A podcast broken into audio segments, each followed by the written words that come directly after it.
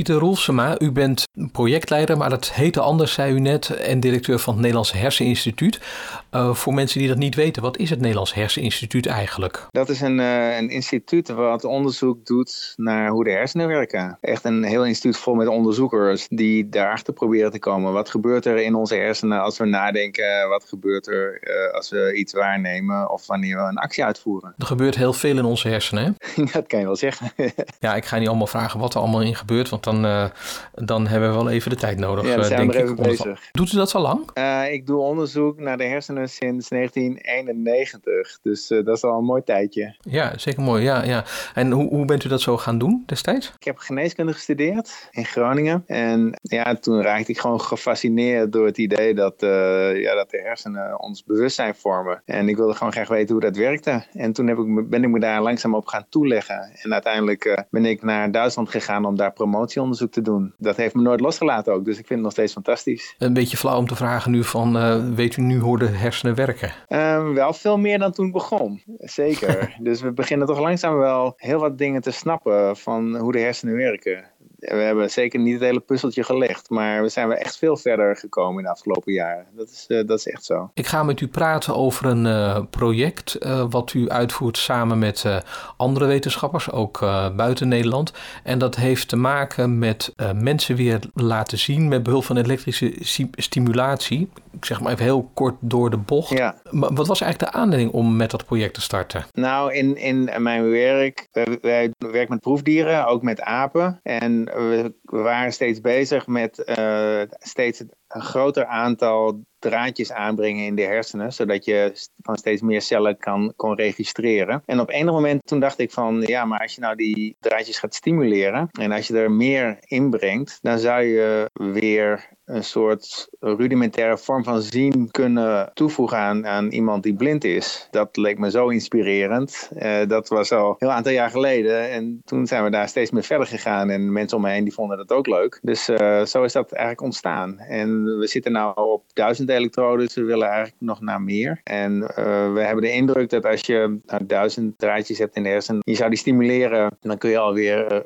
ja, wel het een en ander weer aan visuele waarneming toevoegen. en en als je, als je nog meer draadje hebt, dan zou het alleen nog maar beter kunnen worden. U heeft het over rudimentair zien, hè? Kunt u eens uitleggen wat u daarmee bedoelt? Moet je voorstellen dat dat gebied waar wij elektrisch stimuleren, dat heet de primaire visuele hersenschors. En dat is een soort tweedimensionale kaart van de buitenwereld. Dus twee punten in de buitenwereld die dicht bij elkaar liggen, die worden in dat gebied ook gerepresenteerd door groepen hersencellen die ook relatief dicht bij elkaar liggen. Dus een hele systematische afbeelding. En als je op één plek stimuleert, dan ziet iemand, hè, een, een aap of, of ook een blind iemand die een draadje in de hersenen heeft, die ziet een lichtstip. En een lichtstip op die plek in de buitenwereld, uh, die correspondeert op de plek in de kaart waar je stimuleert. Als je nou duizend elektrodes zou hebben of meer, dan kun je dus op duizend verschillende plekken in de buitenwereld een lichtstip maken. En daarmee kun je werken als een soort matrixbord aan de snelweg. Als je in het matrixbord één lampje aanzet, dan ziet iemand een, stip. Maar je kunt ook een patroon uh, laten zien of een letter of, een aantal letters een woord. En uh, de mate van detaillering van wat je kan laten zien op dat matrixbord is natuurlijk afhankelijk van het aantal lampjes wat je daar hebt. Dus bij ons het aantal elektrodes in de hersenen. En we kunnen bijvoorbeeld niet echt kleuren nog doen. Of, uh, dus, dus, wat dat betreft is het echt rudimentair. Het is veel eenvoudiger en veel primitiever dan het zien van mensen die niet blind zijn. Ja, ja ik wou net zeggen, het is wat ruwer. Nou is het zo met zo'n eh, bord boven de weg, uh, met al die, die, die, die puntjes. Als ik er met de auto onderdoor rijd, dan kan ik zien wat er staat als ik er vlakbij zou staan, zou ik het niet kunnen zien, denk ik. Dat zou dan als je daar heel dicht op staat.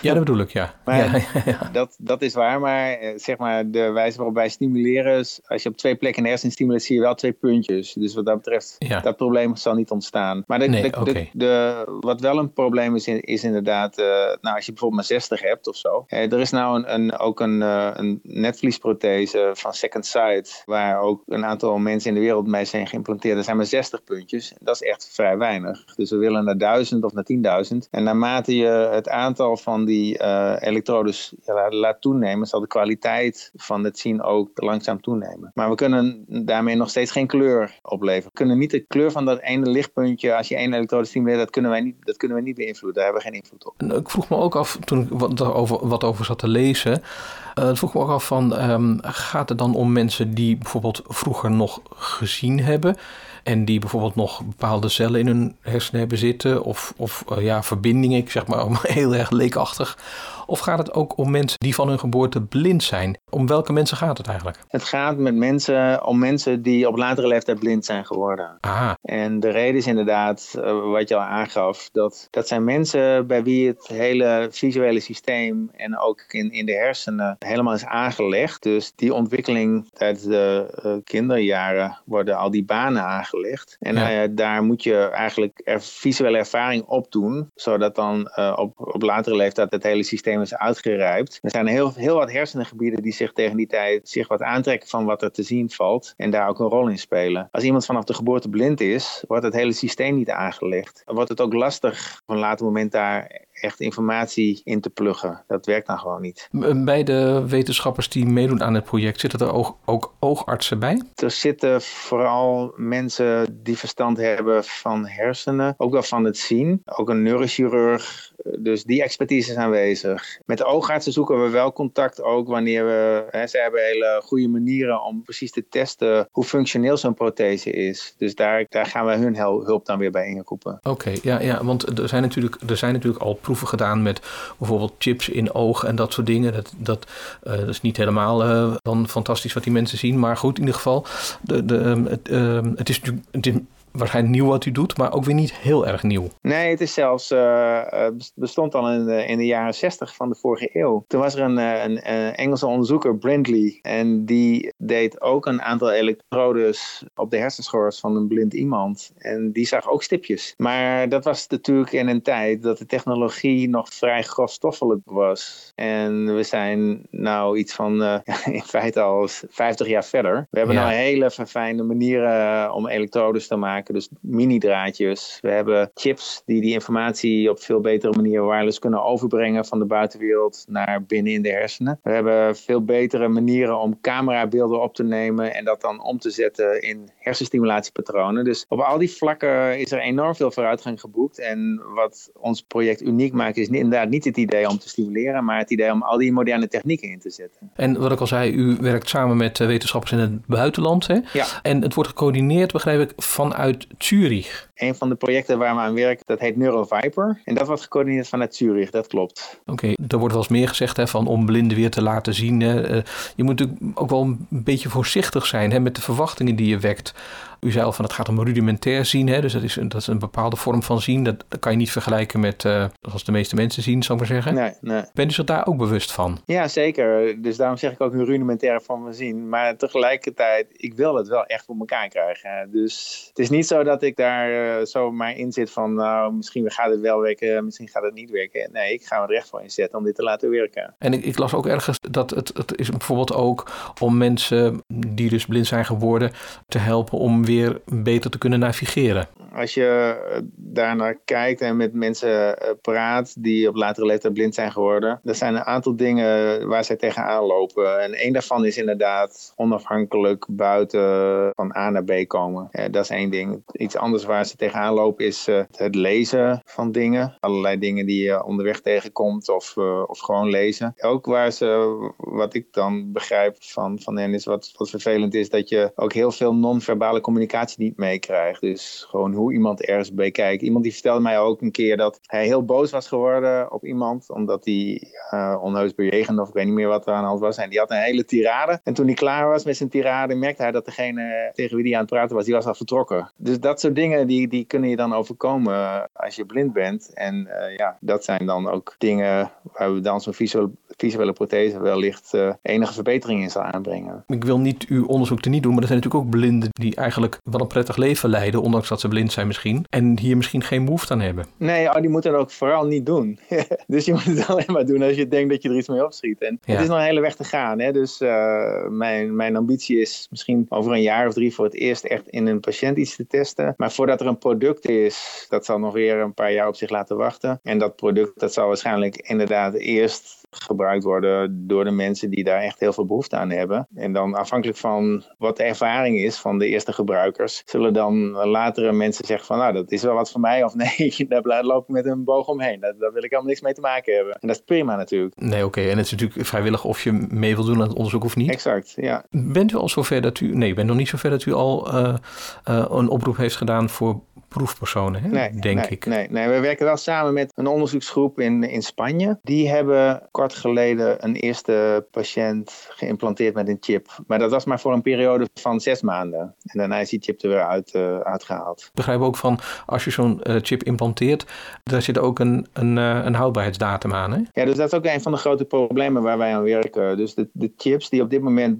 beschikbaar zijn om in de hersenschors van mensen te plaatsen. Dat zijn kleine naaldjes van silicium waar chips van gemaakt worden. Die werken ongeveer een jaar. En daarna worden ze langzaam slechter. Dus dat is nog niet de oplossing. Dus we proberen andere elektrodematerialen te vinden die dan 10 jaar of 20 jaar kunnen werken. Want dan heb je echt ook perspectief. Dus uh, als je zeg maar een, een prothese zou maken die maar een jaar werkt, dat is natuurlijk vrij dramatisch. Dan ben je na een jaar net gewend aan alle extra functionaliteit die het oplevert. En daarna gaat, het, gaat die weer ermee stoppen. Dat zou je niet willen. En ik weet niet, is dat aanbrengen van die chips, is dat ingrijpend voor mensen of valt dat mee? Nee, dat, op dit moment valt dat niet mee. Dus dat is een hersenoperatie. Dus uh, daar komt echt een neurochirurg bij kijken. de schedel die moet open. Dat is een fikse ingreep. Dat is wel even iets om over, om over na te denken. Ja. Zijn er trouwens ook de, de, de chips die u gebruikt? Hè? Want ik weet niet of ik dat zo mag noemen. Maar zijn er ook Nederlandse fabrikanten bij betrokken? Of? Op dit moment zijn er nog niet echt fabrikanten. We hebben wel ook zelf een bedrijf opgericht die dat als ambitie heeft. Dat heet Phosphenix. En we zijn op zoek naar, naar manieren om dat echt gefund te krijgen. En dan zou een van de mogelijke uitkomsten zijn dat een aantal van die dingen inderdaad in Nederland geproduceerd worden. Of in elk geval wordt er dan in Nederland dat gecoördineerd dat het product tot stand komt. Oké, oké. Ja, ja, ja.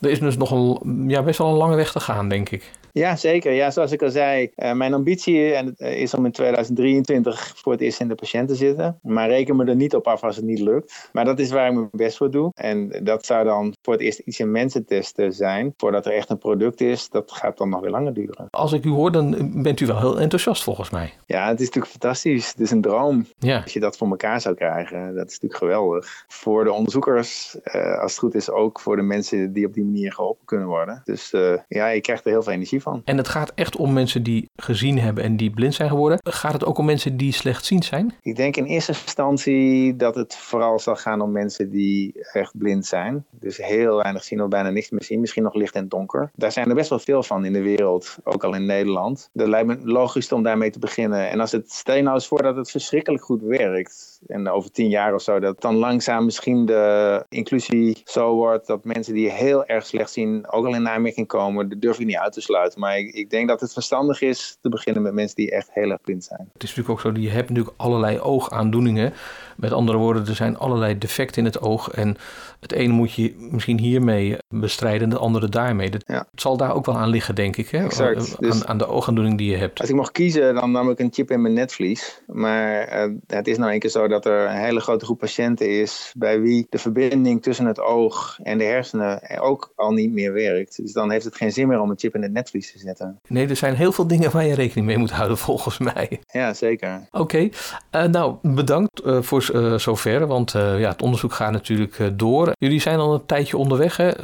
Het gaat de komende vier, vijf jaar gaat dat nog duren? Ja, misschien nog wel langer. Dus uh, we zijn hier ook al vier, vijf jaar mee bezig. Het goede nieuws is dat we net hebben kunnen aantonen dat het ook wel werkt. Dus ik vertelde al, we testen dat bij apen. En we hadden die apen getraind om 16 letters van het alfabet te herkennen. Die apen waren niet blind. En het blijkt dat we door een aantal van die elektrodes tegelijkertijd te stimuleren, die apen ook werkelijk die letters kunnen laten herkennen. Dus dat wat ik vertelde helemaal aan het begin van het verhaal over dat matrixbord. We hebben net kunnen aantonen dat dat inderdaad zo werkt. Dus dat is is al fantastisch nieuws. Dus dat, is, dat noemen ze proof of principle. Dus dat hebben we nu aangetoond. Nou goed, er zijn er heel wat harders die we moeten, moeten nemen voordat we inderdaad een product hebben wat je echt uh, op, op, een grotere schaal kan toepassen. Dat, dat zijn de volgende jaren waar we echt flink uh, veel werk in moeten steken voordat we zover zijn. En, en is het onderzoek op de een of andere manier te volgen? Bij dat project NeuraViper komt er ongetwijfeld een website waar informatie, uh, recente informatie, die niet alleen mijn groep, hè, er zijn een aantal groepen in Europa die zich daar dan mee bezighouden, te vinden zal zijn. Uh,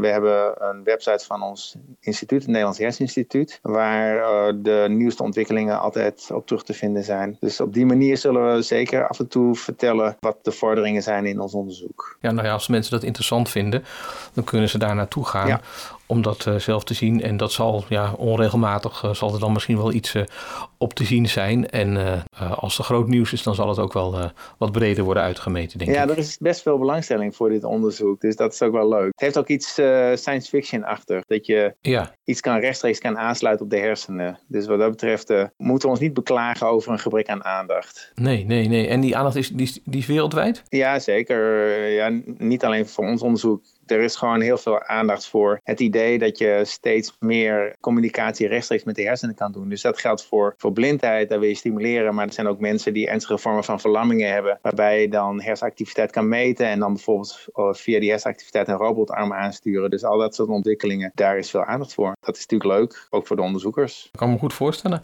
Oké, nou, uh, ik zou zeggen succes en uh, wellicht dat we elkaar... over enige tijd weer een keer spreken. Ja, ook bedankt voor de belangstelling en voor het interview.